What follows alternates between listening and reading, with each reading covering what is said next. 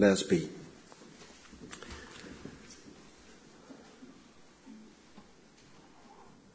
Kære Gud, du har gjort store under. Og det største har du gjort mod mig. Den dag du kastede mine sønder i nådehavet bag ved dig. Og mig udvalgte til din brud. Hvor du forunderlig Gud. Og så har jeg det ønsker den bøn, Gud, at du som har begyndt din gode gerning i mig, at du vil fuldføre den til Jesu Kristi dag. At jeg en dag skal stå derhjemme og synge det ud. O du forunderlige Gud. Amen. Vi har en tekst for dette møde, og det er fra Jakobs brev, kapitel 1.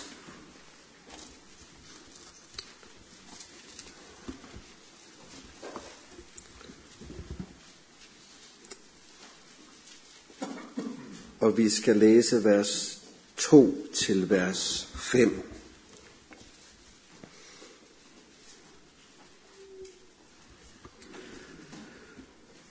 Mine brødre, agt det for bare glæde, når der kommer i mange slags prøvelser.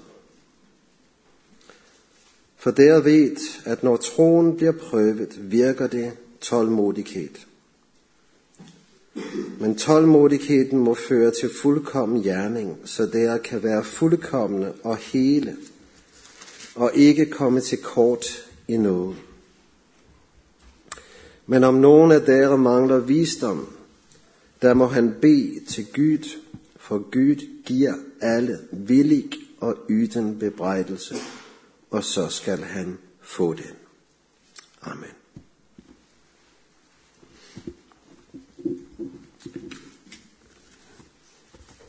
Om en måned, så er det 10 år siden, at vi derhjemme i min familie fik en meget øhm, tung opringning på telefonen. Min kone øh, fik en opringning en lørdag morgen, og så skreg hun, for hun hørte, at hendes far var død den nat.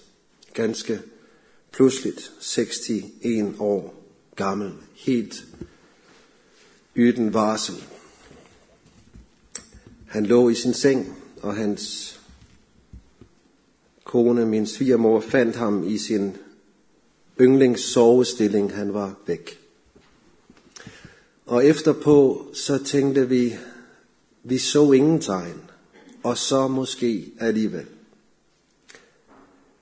For de sidste måneder, der var det tydeligt hos min svigerfar, øhm, at der var noget, som han altid huskede at sige, når han tog opskrift med os. Og det er, det er himlen, det gælder. Det er himlen, det gælder. Det havde han ikke sagt før på den måde. Men det fik os til at tænke, at han vidste måske godt, at det kunne være tæt på. Og han havde et ønske, og det var, at vi skulle mødes der. Nu står det på hans gravsten. Jeg dør kun for evigt at leve. Og nu er han hjemme hos Jesus. Og vi er på vej. Min far vidste definitivt, at det gik den vej for ham. Han fik diagnosen med cancer øhm, omkring den 1. oktober, og han døde 1. december, 7-1 år gammel. De to måneder var de hårdeste og de rigeste i mit liv. Det var to måneder, hvor vi levede ved himlens grænse, og himlens lys strålte ind i vores familie. Det var helt fantastisk. Og da far øh, døde, så var det som at se ham gå ind over grænsen, ind i lyset. Inden han døde, så gav han alle os seks børn. Vi er seks børn. Han gav os den sidste bogen, han havde skrevet. Og så han skrev en hilsen forrest i bogen. Kære Mikkel og Leila. Og så nævnte han vores drenge. Og så skrev han en hilsen i bøn og i håb om, at vi må mødes fra lammets tro. I evig lovprisning af ham. Det gav min far til os seks børn. Og øh, det var helt tydeligt, det var det, der fyldte i hans liv øh, i de to måneder. Det var hans bøn. Og nu står det på hans gravsten. Når vi kommer der, så står det. Et vidnesbyrd om, hvordan vi kommer der. Hvordan kommer vi der? Og det har du vidnet om, Osil, også i det, den sang, du har sunget. Der står på min fars gravsten, nu står mig åben himlens port.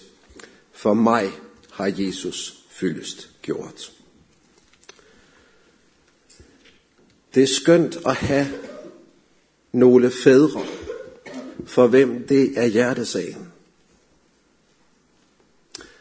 Men der er noget, som er bedre. Og det er at have en himmelsk far, for hvem det er hjertesagen. En himmelsk far, som altid ser klart, at det er det, det handler om. At nå hjem, og nå himlen, og tage del i lovsangen af lammet i evighed. Det står ikke altid klart for mig. Langt fra. Der er en bøn, som jeg beder igen og igen.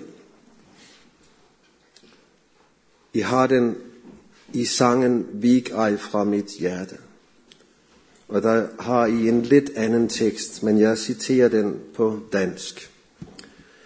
Du, dit værk oblive, regn og sol du give, gør som du det vil. Blot du så mig føre, at til sidst mig høre himmerriget til. Gør hvad du vil, Gud, men før mig hjem. Den bøn beder jeg. Men det er ikke altid, det står mig så klart. Og det er ikke altid, jeg beder den bøn af et helt og glad hjerte. Min kone Leila, hun oplevede en ulykke for syv år siden, seks et halvt år siden. Hun fik en blodprop i hjernen, og så blev hun knækket. Øhm, så hun er, hendes arbejdsevne er reduceret til en tredjedel. Og hun har en, en kronisk øh, depression, som hun får god behandling for. Men den er, har mærket hende lige siden. Så var der en af vores venner, som gjorde os opmærksom på, at hun kunne være berettiget til en pension. En forsikringspension. Fordi hun var kronisk syg nu. Og det var vi glade for. Og uh, så skrev vi papirerne og sendte dem ind. Og så fik vi svar tilbage, at den pensionsforening, som hun var medlem af, de havde haft en ordning, hvor man kunne få pension. Og så havde de ændret ordningen på en dato. Og Leila var meldt ind dagen efter. Den første dagen, hvor man ikke kunne få pension. Og så husker jeg, at jeg sad senere den dag med min bibel, og jeg bad. Du dit værk oplive, Regn og sol du give. Gør som du det vil. Blot du så mig føre, at til sidst mig høre himmeriget til. Men det var ikke nemt at bede. Og mit hjerte var meget delt. Og hvor er det godt så, at der er en far i himlen, hos hvem hjertet aldrig er delt, og som altid ser lige klart, at det er det, det handler om.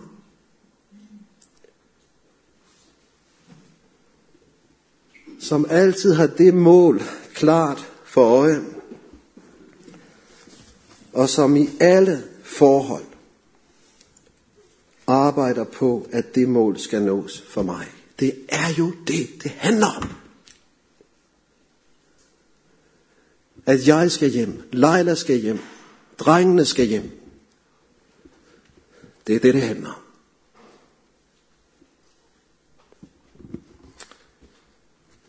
Han er vores far, og om han tager eller giver, samme fader han dog bliver, og hans mål er kun det ene, barnets sande og evige vel at tjene.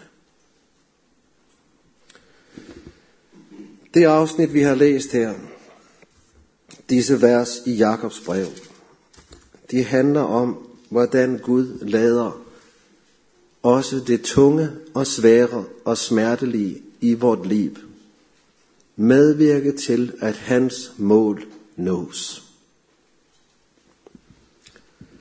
Vi skal se på to små ord i vers 2. Og det første ord er det lille ord når. Mine brødre, agte for bare glæde, når der kommer ud i mange slags prøvelser. Det havde Jakob jo ikke behøvet at skrive. Han kunne have skrevet om. Om der kommer i mange slags prøvelser. Men det gør han ikke. For prøvelser og sorg og smerte og tab er ikke noget, vi muligvis møder som Guds børn i denne verden. Det er noget, vi alle møder. Hver mand har sit stort eller lidt. Og jeg kender ganske få af jer. I kender for manges vedkommende hinanden godt. Og der sidder mange her, som har oplevet, at i denne verden er synden med i alt og slår skår i alt. Der er ikke noget ægteskab, som der ikke er skår i. Der er ikke nogen familie, som der ikke er skår i. Der er ikke noget sind, som der ikke er skår i. Her i denne verden er synden med i alt. Vi lever som kristne i syndens, lidelsens og dødens verden, og det kommer vi alle til at mærke. Og det kan være knusende hårdt. Vores rigdom er ikke, at vi får et enklere liv i denne verden, men at vi ikke har vores hjem i denne verden. Det er vores rigdom. På vej til vort hjem, der rammes vi som andre. Og vi kan rammes ufatteligt hårdt. For ikke så længe siden, så havde vi en familiesammenkomst i min fars familie, efter min far var død.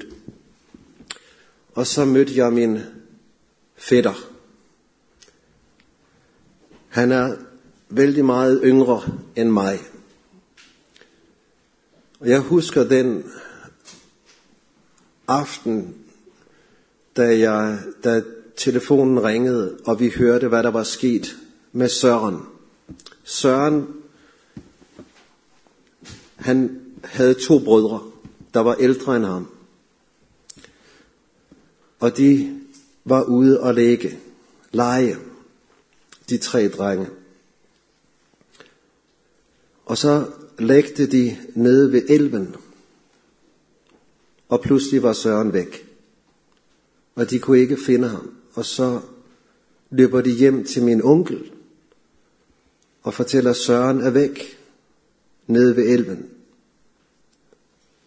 Og min onkel løber ned til elven, og han kan ikke finde ham. Og han løber så langs med strømmen, løber han i en halv time. Og så ser han Sørens krop ude i elven. Og så svømmer han ud og får ham ind og arbejder med ham og får vandet ud og får givet ham kunstigt åndedræt. Og efter lang tid, så begynder Søren at ånde igen. Og han kommer på sygehuset, og han er alvorligt og varigt, livsvarigt hjerneskadet. Han er mentalt retarderet i dag.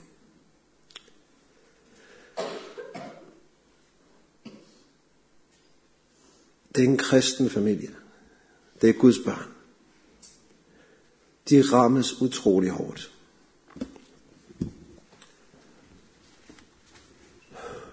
Så går der mange år, og så er jeg en dag på bibelskolen, og jeg er nede til middag og taler med en af vores elever, og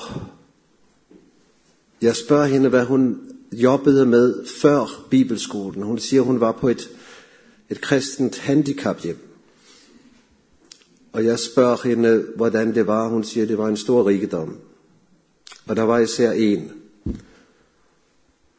af dem, som var der, som hun var meget, meget glad for at møde. Han hed Søren. Han kunne ikke meget. Men Søren var glad for to ting. For Jesus og for himlen.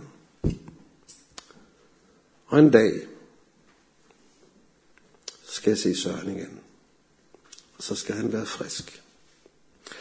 Den familie er hårdt ramt. Men du møder en familie, som er rettet mod himlen. Deres forventninger til livet her på jorden har knækket. Men de har fået en rigdom i troen på Jesus, hele familien.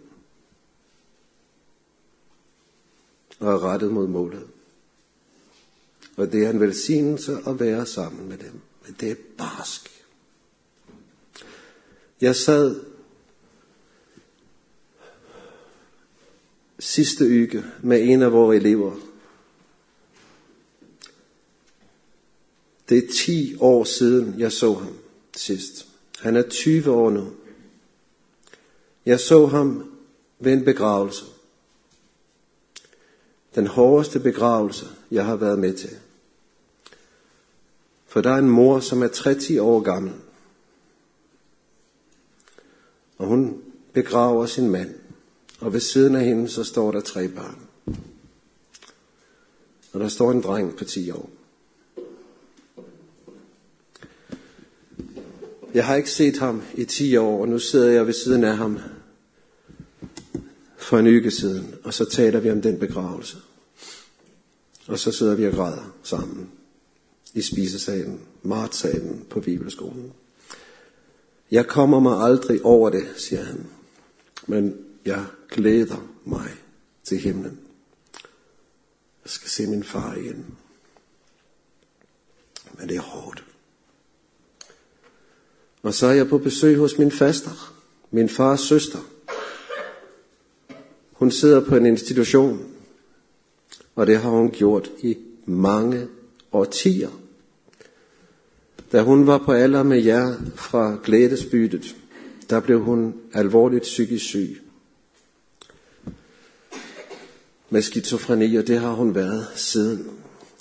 Og når jeg så møder hende, så siger hun, Mikkel, hvad blev det for et liv? Det blev jo næsten ikke noget liv for mig. Men så taler vi sammen om Jesus og om himlen. Og hun er rettet hjemover. Og der skal komme en dag, hvor hun skal blive frisk. Men det er barsk, og det gør ondt. Hvorfor rammer det sådan? Hvorfor rammer det på denne måde? Det får vi intet svar på i Bibelen. Men vi får et ord, der trøster. Vi får et ord om, hvad lidelserne ikke betyder. Når lidelsen og tabet slår ind i dit liv, så er det ikke et udtryk for, at du er glemt og forkastet og forladt af Gud.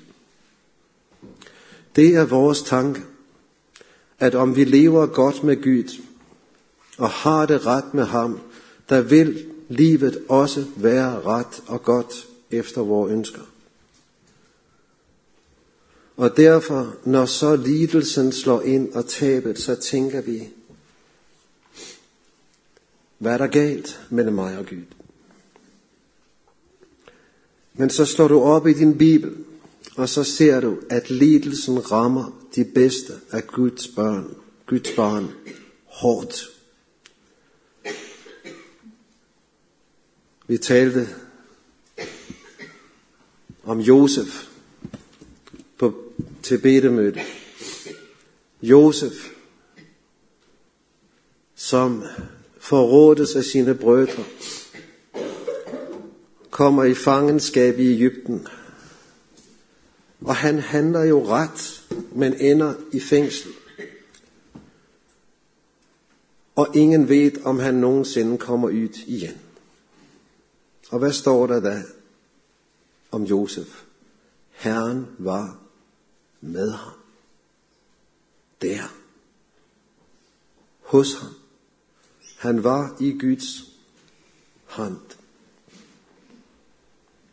Job var jordens mest retfærdige mand, og han rammes hårdere end nogen andre. Men han er i Guds hånd. Abraham, troens far, barnløs i hundrede år. Jeg er 51 år, og mange af vores venner er, er kvinder, som havde ønsket at få en ægte mand og få en familie, men de fik det ikke. De lever i troen på Jesus. Men sådan blev livet, og det er hårdt at se. Men midt i det får vi lov at tro og vide, at de er i Guds hånd, også med det. Ikke forladt, ikke glemt. Der var en bildeserie, jeg så for mange år siden. Jeg så den her i Norge i en sangbog. Tre billeder. Første billede, der ser man et ansigt ganske tæt på, og der er en, der råber, Gud, hvorfor har du forladt mig og glemt mig? Næste billede, der ser man på lidt længere afstand, at det er en mand, som står med løftede arme, og han siger, Gud, hvorfor har du forladt mig? Hvorfor har du glemt mig? Han står i sådan et, et bugtet landskab. Og tredje billede, så er perspektivet rykt helt tilbage, og så ser man denne mand, han står i en stor hånd. Det er virkeligheden. Og det har trøstet mig mange gange. Når livet går i stykker, jeg er her. Og jeg er i en hånd, som vil føre mig hjem. Jeg er i min fars hånd, ham som altid har for øje at føre mig hjem. Det er virkeligheden. Og han lader alt samvirke til mit sande og evige vel. Prøv at slå op på Romerne 8.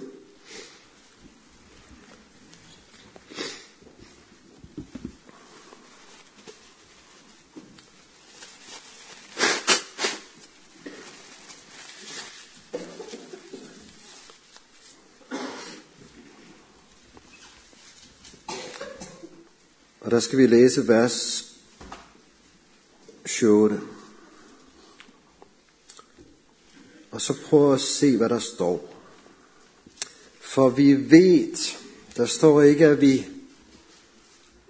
erfarer det, vi mærker det, vi føler det, men der er noget, vi ved sikkert og fast. At alle ting samvirker til gode for dem, som elsker Gud, som efter hans råd er kaldt. Og så er tanken, det er et godt ord, men det er jo ikke sandt. Kender du det? For vi har set nogen, som blev hårdt ramt. Og hvor lidelsen var med til at føre dem væk fra Gud. Kender du det? Og så tænker vi, så er det ikke sandt. Jo, for hvad er det, der står? Alle ting virker sammen til gode for dem, som elsker Gud. Der sidder ægtepar her, og jeg håber, I kan sige om hinanden, og se på hinanden og sige, det er dig, jeg elsker. Det er dig, jeg elsker. Det tror jeg. Så vil jeg spørge alle jer, som har en, som I elsker. Hvad gør I, når I rammes hårdt i jeres liv? Hvordan reagerer I? Hvordan reagerer du, når du rammes af sorg og smerte? Hvad er din reaktion? Jeg tror, du ved det. Din reaktion er at gå til den, du elsker. Med det samme. Jeg stod på vores bibelskole for nogle år siden, og så modtog jeg et brev på vores lærerværelse. Og jeg åbnede brevet og læste det, og det er det værste brev, jeg har fået i mit liv. Det var som om solen gik ned, da jeg læste budskabet. Og der går ikke to sekunder, fra jeg har forstået budskabet, til tanken er der hos mig, hvor er Leila henne? Og nu arbejder Leila på en skole ved siden af Bibelskolen, så jeg kunne løbe hen over vores græsplæne, over på skolen, hvor Leila var, og høre, hvor er hun i hvilket klasserum hen, og banke på og få Leila ud. Jeg måtte tale med Leila, for jeg elsker Leila. Sådan har du det med den, du elsker. Du går til den, du elsker med din nød. Alt, alt, alt virker sammen til gode for dem, som elsker Gud og kommer til ham med deres nød. Alt. Det er virkeligheden. Her forvandles det til det, som Gud bruger i dit liv til at knytte dig til ham og føre dig til himlen.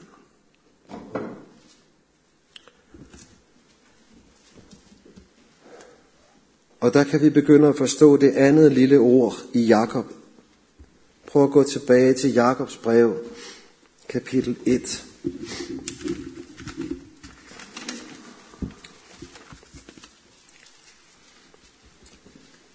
Jakobs brev, kapitel 1, vers 2. Det andet ord, vi skal se på, det er det lille ord agt. Mine brødre, agt det er bare for glæde, når der kommer i mange slags prøvelser. Det havde Jakob ikke behøvet at skrive. Han kunne have skrevet, I skal kun erfare det som glæde. Men det skriver han ikke. For sådan er det ikke. Når vi rammes af tab af vores kære, af sygdom, af nød og lidelse, så erfarer vi det ikke som glæde, men som sorg. Og vi skal have lov at klage til Gud. Udøse vores hjerter som vand, hælde det ud for Gud med vores sorg. Vi har en hel bog i Bibelen, som er klage salmer. Og vi har mange af salmerne i salmernes bog, som er netop det. Vi erfarer det ikke som glæde, men som sorg. Men midt i det er der noget, vi får lov at vide. At Gud virkelig lader dette, lader dette samvirke til vores sande og evige vel, og der kan jeg agte det for noget godt. For hvad er det, Gud brygger lidelsen til? Der er noget, som du bliver knyttet til i lidelsen. Jeg vil nævne fire ting, ganske kort. For det første, Gud knytter dig til himlen. Når livet går i stykker, så forstår du, hvordan denne verden er, og dine håb her i verden går i stykker. Dine forventninger til dette liv bliver mindre.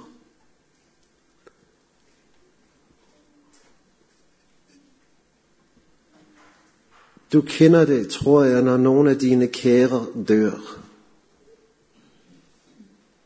Da min far døde, himlen kom nær, og for første gang i mit liv tænkte jeg, det gør ikke så meget, at livet er kort.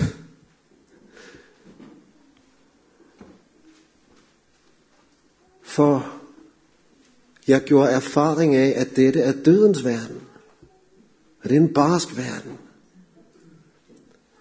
Og når jeg går ud af denne verden, så går jeg ikke fra liv til død. Nej, så går jeg fra liv til virkeligt liv, sandt liv, herligt liv, fuldt liv. Liv uden tårer, uden sorg. Et liv, hvor alle knuste hjerter skal heles. Alle sår skal læges, alle tårer tørres af.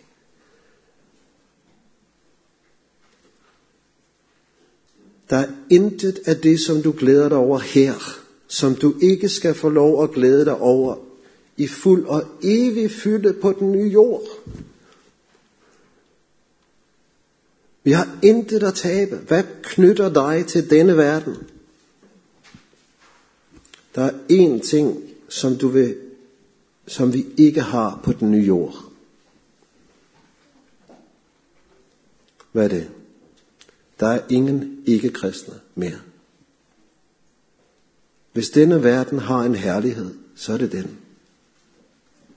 At her er der nogen, som kan nås, men ellers er, har denne verden ingen herlighed sammenlignet med den herlighed, som venter os. Og når livet her går i stykker, begynder jeg at forstå, så kan jeg forstå noget af det. Jeg var 20 år, da jeg først stiftede bekendtskab med Joni Erickson. Mange af jer tror, jeg kender hende, som hun er cirka 10 år ældre end mig. Hun var 17 år gammel, da hun sprang ud fra en mole. Og hoppede i vandet, brækkede nakken og blev lam fra skuldrene og ned efter. Og jeg kan ikke forestille mig noget mere tragisk for en 17-årig pige, som elsker at ride og løbe og bruge sin krop. Og hun ender i mørke. Men i mørket kommer Jesus til hende Og gradvist så løfter han hendes blik, og så giver han hende en åbenbaring af himlen, som er enestående. Når du hører hende synge, så hører du en, som nærmest er i himlen og synger ud af himlen. Og der er meget, hun ikke kan, og hun synger om det i sine sange. Jeg ville gerne kunne ræge mit hår, omfavne mine venner, skralde potatis, skralde kartofler. But I'm enfolded in Jesus' arms as I sit in this chair, and heaven is nearer to me. Jeg er omsluttet af Jesu arme, som jeg sidder i denne stol, og himlen er nærmere ved mig. Og i de sidste hundre år, så mener jeg, der har ikke i denne verden været et stærkere, en kvinde med et stærkere vidnesbyrd om Kristus og frelsen og det evige liv, og som har nået flere mennesker med det budskab end Joni Eriksson, Knyttet til himlen. Vidunderligt vidnesbyrd. Du knyttes til himlen. Du knyttes til ordet. For hvor er det, du ser himlen? Hvor er det, du ser den rigdom, du har, når alt går i stykker? Hvor ser du den rigdom, du har i Kristus, og som er evig? Den ser du her. Her får du åbenbaring. Og når livet går i stykker, så har jeg brug for dette ord. Når livet er mørkt, jeg er bange og svag. Jeg skuer i ordet, og der er det dag. Når andre er rige, og jeg dem ej lige, jeg skuer i ordet, og der er jeg rig. O salige ro på Jesus at tro at have Guds ord i sit bog. Da Leila og jeg blev gift, så fik vi denne ring, og så fik vi skrevet et bibelord i. Mika 7, 8. Der står, om end jeg sidder i mørke, er Herren mit lys. Jeg sidder i mørke, men Herren er mit lys. Sådan står der i den nye danske. Hvad står der i jeres? Jeg slår det lige op. Mika 7, 8.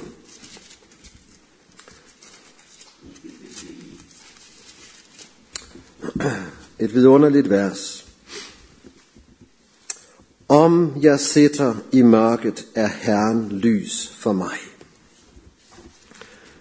Da vi blev gift, så havde vi ingen tanke om, hvad Leila skulle rammes med af sygdom. Men hun har haft mørke. Hun har haft mørke, så der ikke var noget lys at se. Intet lys at se. Men hør, når du intet lys ser, så er Jesus stadig lys for dig. Du ser ham ikke i dit mørke, men han er den samme frelser for dig også da. Og når Leila har siddet i mørke, så har hun slået op på Mika 8.7, og så har hun læst det. Jeg sitter i mørke, men Herren er mit lys, er min frelser, er min fred med Gud, som vi hørte det. Lige fuldt nu. Og så ser hun i ordet, og der er jeg rig. Og det står fast. Og så har hun malet et billede på dette bibelord, og det er det bedste billede. Hun har malet mange, men det er det stærkeste og det rigeste billede, hvor der er meget mørke i dette billede, men der er et lys, og det er Jesus skikkelse med navlemærkerne og tornekronen. Han er der. Og det siger ordet. Du har en evig rigdom i ham, og den ser du her. Du knyttes til himlen, du knyttes til ordet, og du knyttes til nåden.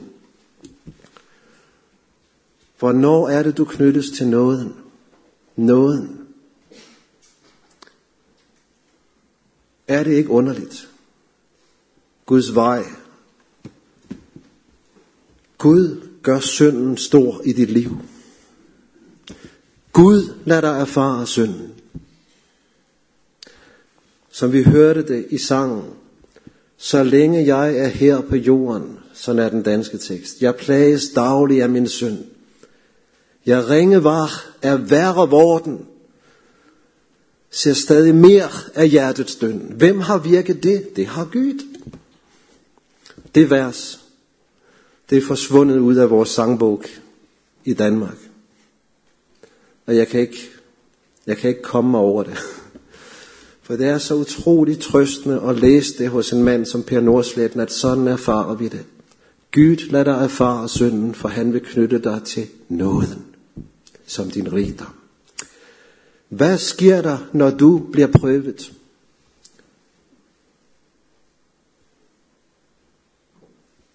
Når lidelsen slår ind, hvad mærker du så? Så mærker du din vantro. Du mærker din tvivl. Du mærker din trods. Du reagerer mod det, og du reagerer mod Gud. Og du erfarer, hvad der bor i dig. Kender du det? Nu skal du høre. Nåden gælder for dig, der erfarer. I ledelsen møder du dig selv, også som den sønder du er. Med vantro og trods og tvivl, og så jordbunden du er. Så får du brug for en stor nåde, men den gælder for dig. Nåden gælder for dig der. Hvornår er det, nåden bliver stor for Paulus? 2. Korinther 12. Tornen i kødet, som han beder Gud tage væk. Men Gud tager den ikke væk. Han kommer med sin nåde. Og så ser han, hvad han har i kraft af Guds nåde. Og så ser han, nåden er nok. Og så knytter Gud dig til sig selv. Hvornår har du søgt Gud? Hvornår har du kommet til Gud i bøn? Hvornår har du klynget dig til ham? Hvornår har du bedt for alvor? Jeg ved, hvornår jeg har gjort det. C.S. Lewis siger det. Gud visker i vores glæde, og han råber i vores smerte, og hans råb er et kald, kom til mig. Jeg vil til himlen, og Gud vil have os til himlen. Hvad er den største fare for dig på vej til himlen? Hvad tror du der?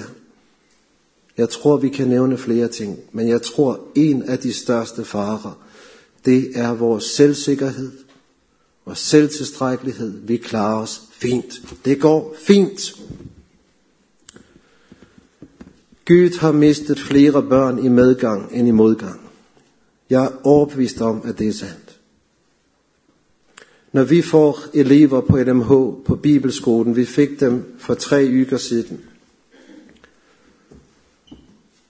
så lærer vi en flok unge at kende, og så er der to grupper af unge, som jeg særligt får en nød for at bede for. Det er de meget smukke piger. Piger, som du straks bliver opmærksom på, for de er meget smukke. Og de kan få meget opmærksomhed fra drengene. Og de kan blive meget selvoptaget. Gud bevare dig. At du må have din glæde i Jesus. Din stolthed i ham. Ha' dit ønske om at tjene ham. Ha' omsorg for de svage og ikke have dit mål i dig selv. Gud bevarer dig.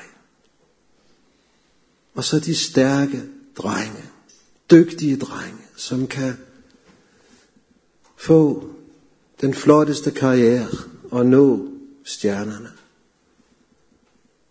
Gud giver, at du må have din rigdom i menigheden, på bedemødet, i bibelkredsen, i Jesus din stolthed og din ære og din rigdom i ham.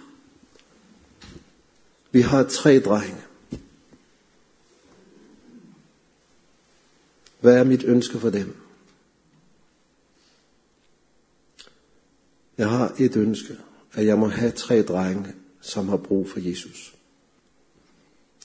Har jeg om 20 år tre drenge, som har brug for Jesus, så er jeg verdens lykkeligste far. Alt andet er så underordnet. Gud bruger ledelsen til at knytte dig til himlen, til ordet, til nåden og til Gud. Men vil du det? Der er noget i dig, som siger ja. Du dit værk oplive, regn og sol du give. Gør som du det vil. Og der er noget i dig, som siger nej. Jeg ønsker et let liv. Et rart liv. Hvad er dit problem, når du tænker sådan? Vi skal slutte med det. Prøv at slå op et vers til sidst her. Jakob 5. Jakob 1, vers 5. Det sidste vers, vi læste. Dit problem, når du ikke vil give dig i Guds hænder, siger Jakob her, det er, at du mangler visdom.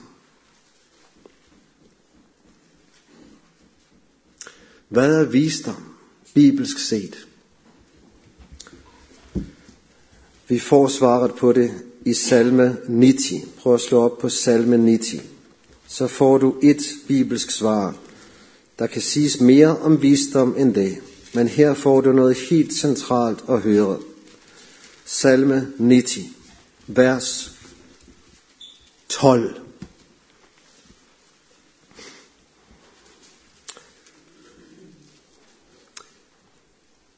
Lær os at tælle vore dage, så vi kan få visdom i hjertet. Jeg talte mine dage på vej hertil. Jeg har levet 1000, nej 18.666 dage. Jeg er 51 år. Min bedstefar, min farfar, han blev 61, 61 år. Min far blev 71 år. Måske bliver jeg 81. Det er snart. Dagene og årene går fort nu. Snart er det slut. Og hvad venter så? Milliarder. Milliarder. Milliarder. Milliarder af år i evighed. Prøv at tænke dig 15 milliarder år ind i evigheden. Og så se tilbage på dette ene korte liv. Og så overvej, hvad er vigtigt.